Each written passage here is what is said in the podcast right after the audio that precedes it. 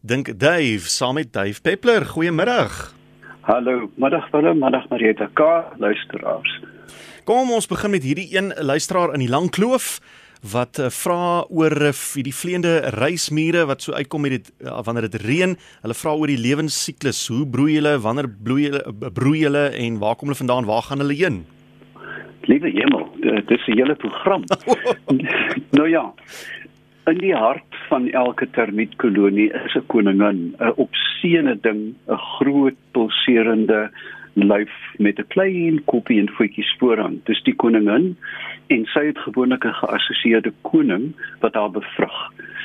Nou baie van die ehm um, reismiere het of het word dan vir 'n leeftyd bevrug. Jy weet vir jare kan hulle na een paring uh, eiers lê. Hmm? Eiers word gelê en werkertjies sorg daarvoor en voed die larwes tot hulle groot is. En dan is daar twee um kategorieë. Die werkers, die arme goed wat met gras dra in jou tafel onder jou uitvreet en dan is daar netlik ook die um soldate wat die wat die kolonie beskerm. Hmm.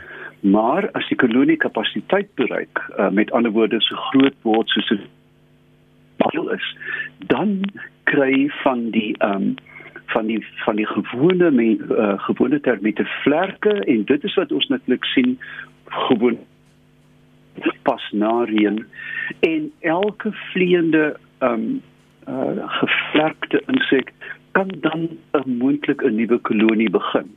Maar dis 'n seleksie. Met ander woorde, daar word by elke kolonie 1000 100000 vleiende um moontlike koninginne gevorm waarvan een of twee dalk suksesvol mag wees. Hmm. Uh, so hulle versadig die omgewing en nog getrof dat dit op manna, jy weet, op goeie plekke val. Ons het terugvoer gekry oor die parakoor wat so stil geword en daai daai vraag al te goed. Ja, nou die persoon sê uh, ek het by my bure verneem, hulle is mos daar in Ferry Glen in Pretoria. Ek het by die bure gehoor die paras is nog wel sigbaar. Ehm um, maar die een buurman het het gesê dat dit eerder klink of dit 'n jonger geslag is wat kleiner, sagter kwaakgeluide maak. Nou wonder ek of dit verskillende soorte is, verskillende soorte paras is wat kwak op uh, verskillende tye van die jaar. Hemel, dit klink na 'n middeleeuse koor met uh, castrati en jong knappe. Wat sê? Um, ek twyfel of die paddas hulle denkie verander as dit na gevolge van die weer. Dit is dalk ander wat sing, maar uh, met met dalende temperatuur soos ek vlede keer gesê het. Ja. Dis vreemd. Mense verwag dat paddas moet sing as dit warm is, maar hulle begin sing as die temperatuur daag uh, daal want dit dui nag aan. So ek dink ons moet wag of vir 'n reënbui of vir 'n koue aand hmm. om uitklaring te kry. Hierdie kom van Johan Kombrink, hy's in Douglasdale in Johannesburg en hy vra oor waterhondjies. Waar kom hulle vandaan en wat is waterhondjies se lewensiklus? Waterhondjies, waterhondjies. Cryxidae.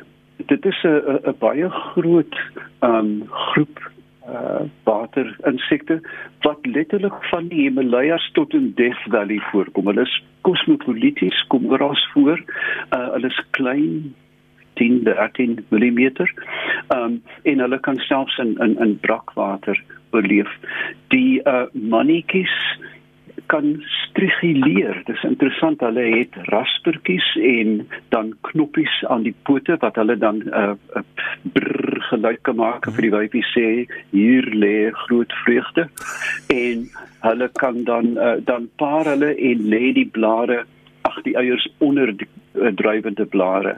Hulle is algvreters. Uh, met ander woorde, met die voorpootjies word die alge versamel, daar's klein kamme aan hmm. en dan word dit in 'n buisvormige mond uh, gedruk. En mees belangrik, hulle kan hulle kan nie byt nie, dank die Vader. Um so hulle hulle hulle is wêreldwyd versprei, uh zoom heen en weer op die water om te voed. Um en uh, die ander helfte van die lewe is onder die water vir paring wegkruip. Ja. O ja, wat 'n uh, interessante ding, hulle kan ook 'n lugblasie vasvang in die voetjies of op die lyf en dan kan hulle soveel langer onder die water ehm um, oorleef uh, deur middel van diffusie deur die borreltjies. Dis ja. merkwaardige diere. Hierdie een kom van Christa in Bredasdorp. Sy sê vir baie lank het dit nou heel goed gegaan, maar die afgelope ruk is ek weer oorval deur snuitkewers. Ek het nou die pak grouwe meel gevind waarin hulle tuis gaan, maar opvallend is dat ek hulle vir etlike dae net by water in my kombuis gewaar het. Tiental lê in my wasbak, tiental lê in die honde se waterbak, aanvanklik ver weg van die koskas uh, met die meel, maar uh, wat is die uh, wat is die verklaring hiervoor? Is dit besonder droog of nat tans by ons nie? Ja, ek kyk die die eerste verklaring dink ek ons moet aanvaar dat dit nie 'n klewer is of 'n snuitkewer wat in 'n huis voorkom nie. Hierdie kewer het saam met die meel gekom. Nou, mens kan nie die meelenaars daarvoor blameer nie, weet want hulle kan dalk uh, korrel uh, of sade met eiers daarop maal en nie fyn genoeg maal nie. Hmm. Met ander woorde, dit is 'n 'n kommensiele plaag wat na jou huis toe kom. Hoekom hulle water gedrink het, sal ek moet uitklaar by Dr. Johan Pretorius my mak entomoloog. Ehm um, maar ek vermoed na meel is droog as dit nie in 'n in 'n askoek vorm is nie en vermoedelik was hulle net uh, moes hulle water inneem om die volgende ah. siklus van eiers lê en parent te voltooi. Hier is 'n vraag oor vlermuise. Hoe verander vlermuise van rigting in die lug? Hulle dan geen stert om dit mee te doen nie. Wel, hetzelfde geldt natuurlijk voor die patelleur. Je weet, daar is spoors wat maar min sterkte heeft. Vleermuise uh, vlieg natuurlik met hulle hande. Dit is die omvormde hand van 'n soogdier en die membrane is optimaal, optimaal aangepas by die vleermuise vleermuise jag uh of voedingsgewoontes. Met ander woorde, op daai vlak van hy van so 'n klein diertjie is die lugvloei nie uh soos oor die vliegtuig se vlerk nie. Dit is nie 'n lineêre lugvloei nie, dit is chaoties. En hulle maak eintlik op hierdie chaotiese golwings, uh, eddies noem die die Engelse dit, om dan dit te benut van, uh, uh, met plekke van hoë en laagdruk om die vlerk in daai in daai kolletjie in te druk en dan van rigting te verander. En dit is blitsig want hulle vang natuurlik uh, insekte ja. wat uh, wat baie vinnig rigting verander. So dit dit is een van die mees merkwaardige goed op aarde dat 'n uh, volledige soogdier soos 'n voël kan vlieg.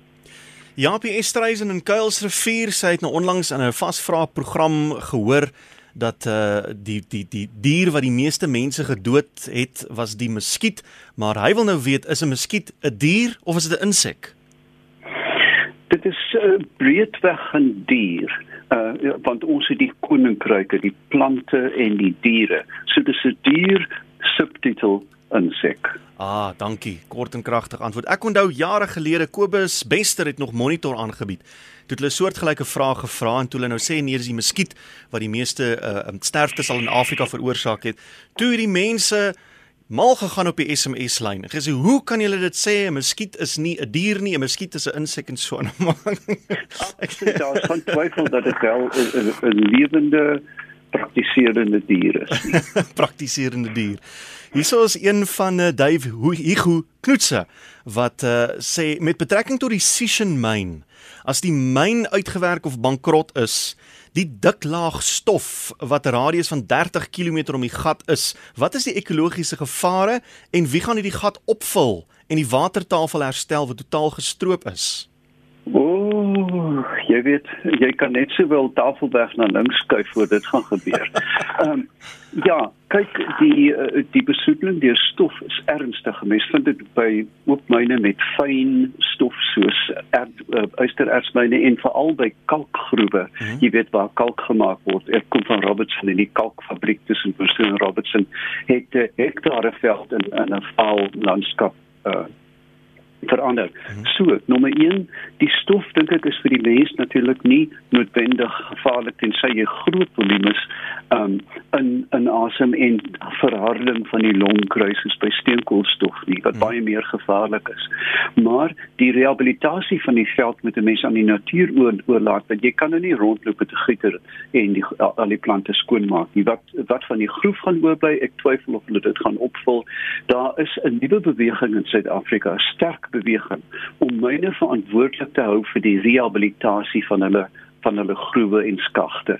En dit begin nou baie goed werk veral by diamantmyne en die oorspronklike werk is gedoen deur professor Sue Milton aan die Weskus van Suid-Afrika waar diamante op land uh, opgeskraap is. Dit is 'n baie komplekse stelsel en dis nie sommer net loop en saaitjies gooi nie, maar eintlik uh, dink ek nog nie volgens weet nie wat dit behoort die die firma verantwoordelik gehou word vir die ordentlike rehabilitasie.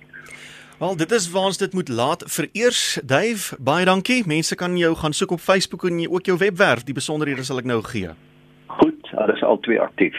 Tot volgende week. Dankie Dave. Dis aan Dave Peppler, ons ekoloog. Hy beantwoord luisteraars se natuurnavrae op donderdagmiddag en uh, jy kan hom gaan soek op Facebook. Hy het 'n blad waar hy lekker doenig is. Soek uh, soek maar net onder sy naam Dave Peppler en sy webblad uh, baie mooi netjies uiteengesitte gebruikersvriendelike webwerf. Gaan loer gerus daar duifpeppler.com